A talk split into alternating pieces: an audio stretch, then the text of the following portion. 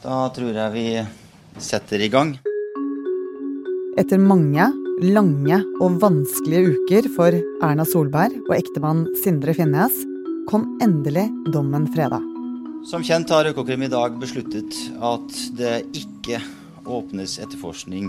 Økokrim dropper etterforskningen av ektemannens aksjehandel. Og Sindre Finnes kan puste lettet ut. Men det kan ikke kona. For i dag skal hun grilles på Stortinget. Du hører på Forklart fra Aftenposten, en podkast der vi tar for oss én nyhet i hver episode. I dag om hvorfor Økokrim ikke etterforsker aksjehandlingen til Sindre Finnes, og hvorfor alt dette likevel kan få konsekvenser for Høyre-lederen. Jeg heter Synne Søhol, og det er tirsdag 7. november. Men først skal vi hoppe et par måneder tilbake i tid. Og det gjør vondt for meg å være så hard mot Sindre som jeg er i dag. På denne veldig spesielle pressekonferansen eh, i Stortinget så beskrev en gråtkvalt eh, Høyre-leder Erna Solberg foran egentlig hele Norge hvordan hun hadde blitt lurt, ført bak lyset av sin eh, ektemann, og kalte seg selv naiv. Det som var veldig spesielt, var at omfanget av denne handelen var mye større enn det noen hadde visst om fra før, inkludert Erna Solberg. Hvis du har vært forklart lytter en stund, så kjenner du kanskje igjen stemmen. Tidligere programleder Andreas Bokkefoss er nå skrivende journalist, og har i høst jobbet med annet Sindre Finnes sin, mildt sagt, omfattende aksjehandel. I løpet av august og tidlig september nå i sommer så avdekket E24 hvordan Erna Solbergs ektemann da hadde vært aktiv med å handle aksjer i perioden 2013 til 2021. Og det som gjorde dette interessant helt fra starten av, var jo at dette var perioden hvor Erna Solberg var statsminister, og de bodde i statsministerboligen bak Slottet her i Oslo. Og etter hvert så kom det frem at Sindre Finnes hadde gjennomført over 3600 aksjehandler i denne perioden som kona hans var statsminister. Og, så det var et stort omfang, og, det ble jo enda større når Erna Solberg selv da, la dette frem på denne pressekonferansen. Og det å drive med aksjehandel er jo en helt lovlig eh, aktivitet i Norge, men det kan jo være også problematisk på mange måter, og, og spesielt hvis kona di er statsminister og du sitter og handler i statsministerboligen. Og etter denne pressekonferansen i september så bestemte Økokrim seg, som altså er politiet, å undersøke om det er grunn til å starte en etterforskning mot Sindre Finnes og for så vidt også Erna Solberg. Høyre-lederen sier at hun kan ha vært inhabil i flere saker. Økokrim vurderer å etterforske. Innsideinformasjon betyr at man på en eller annen måte får hemmelig informasjon om et selskap som gjør at man kan tjene mye penger på kjøp eller salg av aksje. Og det er ulovlig. Dette har vært tema i flere filmer og serier, som f.eks. The Wolf of Wall Street med Leonardo DiCaprio og norske Exit. Og det var dette Økokrim vurderte å etterforske Sindre Finnes for. Og det mange spurte seg om, var jo også om det da kunne være sånn at uh, Sindre Finnes hadde fått info på en eller annen måte fra Erna Solberg, eller om han hadde overhørt samtaler i statsministerboligen, eller om han kunne ha sett dokumenter som, som lå på bordet eller hennes kontor, som uh, da tydet på at han hadde hatt informasjon da han handlet, som ikke markedet hadde tilgang til, altså innsideinformasjon. Og hvis Økokrim skulle starte en etterforskning, så kunne de avhørt ekteparet, de kunne gått gjennom telefonene deres og datamaskinene deres for å undersøke nærmere om Finnes hadde fått sånn type informasjon.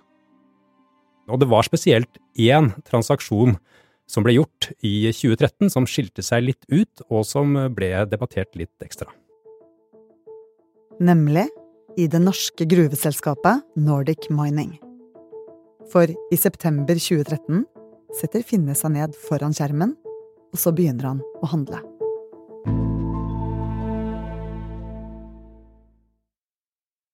I midten av september i 2013 så investerte Sindre Finnes rundt 12 500 kroner, ifølge Økokrim, for å kjøpe rundt 33 000 aksjer i, i selskapet Nordic Mining. Og dette var jo i september, altså rett etter at Erna Solberg hadde vunnet valget, og, og rett før hun skulle presentere eh, regjeringens plattform, altså hva de skulle drive med av politikk de neste fire årene. Så det var først og fremst eh, tidspunktet eh, for denne handelen som var interessant. Og så er jo også Nordic Mining et selskap som kan påvirkes av den politikken som regjeringen velger å gå for. Men likevel før helgen kom svaret. Som kjent har Økokrim i dag besluttet at det ikke åpnes etterforskning mot Erna Solberg eller Sindre Finnes. Økokrim dropper etterforskningen. Vi har etter en grundig gjennomgang ikke funnet at det er foreligger holdepunkter for at straffbare forhold er begått. Økokrim går jo så langt som å skrive rett ut at eh, det å starte en etterforskning mot eh, Erna Solberg og Sindre Finnes eh, vil være uforholdsmessig, og de, de sier at det vil fremstå rett og slett usaklig å gjøre. Hva med denne Nordic Mining-handelen, da? Ja, Det er interessant i det de la frem i forrige uke, for rundt denne handelen så går de litt mer detaljert til verks. Eh, de sier at eh, de i dette tilfellet ikke kan utelukke at Sindre Finnes eh, hadde innsideinformasjon da han kjøpte disse aksjene, men samtidig så sier de at dette forholdet er foreldet, altså det er over ti år siden, og at beløpet er så lite at de uansett ikke ville etterforsket det. Samme hvem som gjorde det, om jeg eller du hadde gjort det, så ville de heller ikke gjort det, for beløpet er for lite. Det var snakk om 12 500 kroner, og det er ikke nok. Så selv om Sindre Finnes slapp med skrekken, så betyr ikke dette at det er over for Erna. Og politisk redaktør Kjetil B. Alstaheim, hva er det som kommer til å skje på Stortinget i dag? Det blir en veldig lang dag på Stortinget for eh, det som heter kontroll- og konstitusjonskomiteen. Og I dag er det da åpen høring. Eh, det begynner eh, allerede klokka halv ni og varer til eh, klokka åtte i kveld. Så det er en, lang dag der de skal innom alle de konkrete sakene. Og de skal ha både da Erna Solberg som, som enkeltsak, og også som da tidligere regjeringssjef. Og så kommer hun da inn i, i høringskomiteens høringsrom hun får eh, gjerne holde en liten innledning, og så går det en runde der alle de forskjellige partiene kan stille de spørsmålene de har. Så mens Økokrim har vært opptatt av straffbare forhold, er denne kontroll- og konstitusjonskomiteen, som vi har hørt om en del ganger denne høsten, opptatt av habilitet. For selv om Erna Solberg ikke har delt innsideinformasjon med mannen, så kan hun fortsatt være inhabil.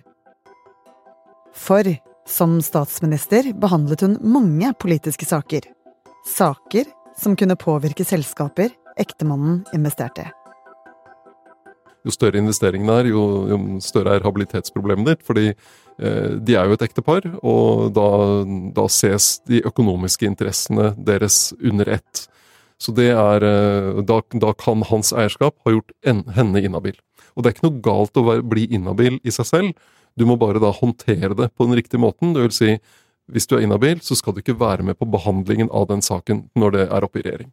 Men så er denne saken litt spesiell også, for det handler jo om gamle aksjehandler under en tidligere regjering.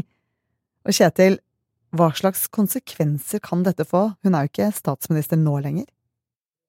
Nei, og det er jo eh, Det er jo ikke sånn at Stortinget kan komme med et mistillitsforslag. Hvis du sitter i regjering, så, og det er sterk kritikk fra Stortinget og et flertall på Stortinget, så kan det fremmes et mistillitsforslag mot en, enten mot en statsråd eller en statsminister, og dermed hele regjeringen.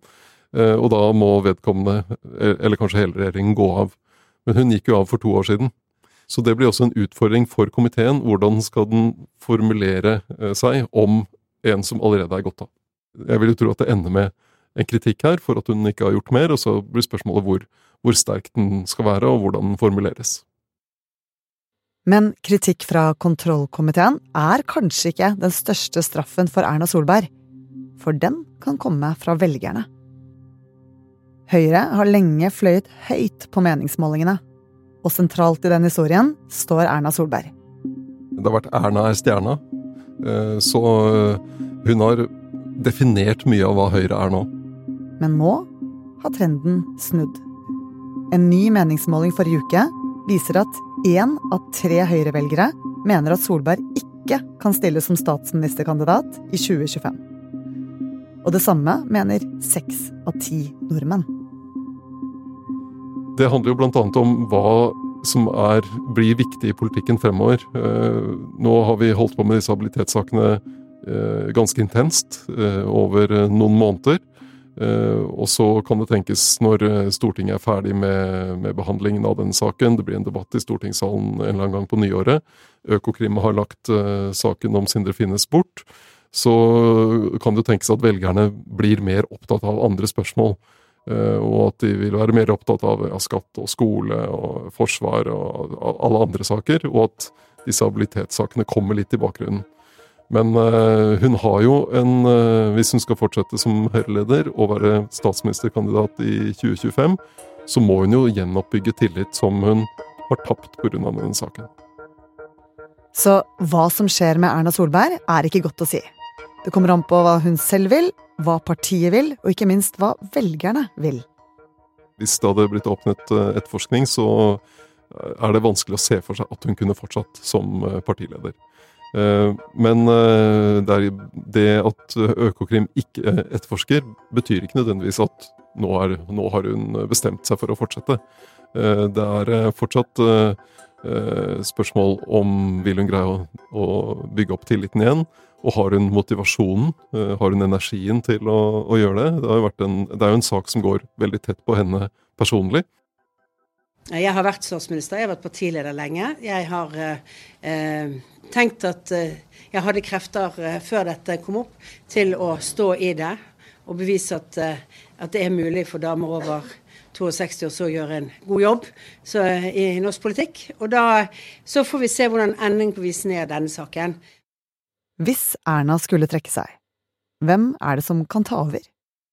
Nei, Hvis de fleste eh, som jeg snakker med, peker på Ine Eriksen Søreide, altså tidligere utenriksminister, tidligere forsvarsminister, sitter nå som leder av eh, utenriks- og forsvarskomiteen på Stortinget. Hun har vært aktuell også tidligere, eh, men var da ikke klar for å, å overta som partileder. Og det folk rundt omkring i Høyre Det spørsmålet folk i Høyre nå stiller seg, er vil Ine? Og uavhengig om Ine vil eller ikke, hva er det som kommer til å skje med Høyre da, hvis Erna trekker seg? Det er eh, et veldig godt spørsmål. Hun, neste år så har hun eh, sittet som partileder i 20 år. Hun har eh, ledet regjering i åtte år. Eh, så hun har vært en av de absolutt aller mest eh, betydningsfulle lederne for det partiet. Eh, ikke minst hvordan hun greide å holde denne koalisjonen på borgerlig side sammen.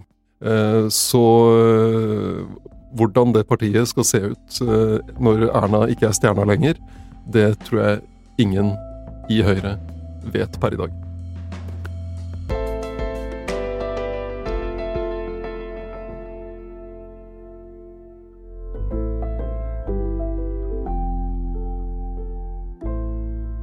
Du har hørt en podkast fra Aftenposten.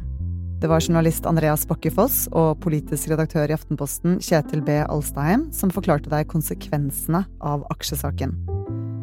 Denne episoden er laget av produsent Jenny Førland og meg, Synne Søhol. Og resten av Forklart er Anders Weberg, Olav Eggesvik og David Vekone. Lyden du hørte, er fra NRK og pressekonferansene til Økokrim og Erna Solberg. Hedvig, jeg har to barn, og selv om det går fint med dem, så hender det at jeg tenker herregud, jeg kommer til å fucke deg opp. Er jeg aleine om det, eller? Jeg tror det er ingen som sitter der og har barn uten å ha tenkt av og til at hva gjorde jeg for noe nå, hva skjedde nå, har jeg ødelagt ham eller henne? Og denne frykten her, den skal vi snakke mer om i denne ukas episode av Aftenpostens Foreldrekoden med Hedvig Montgomery, som du hører der du hører podkast.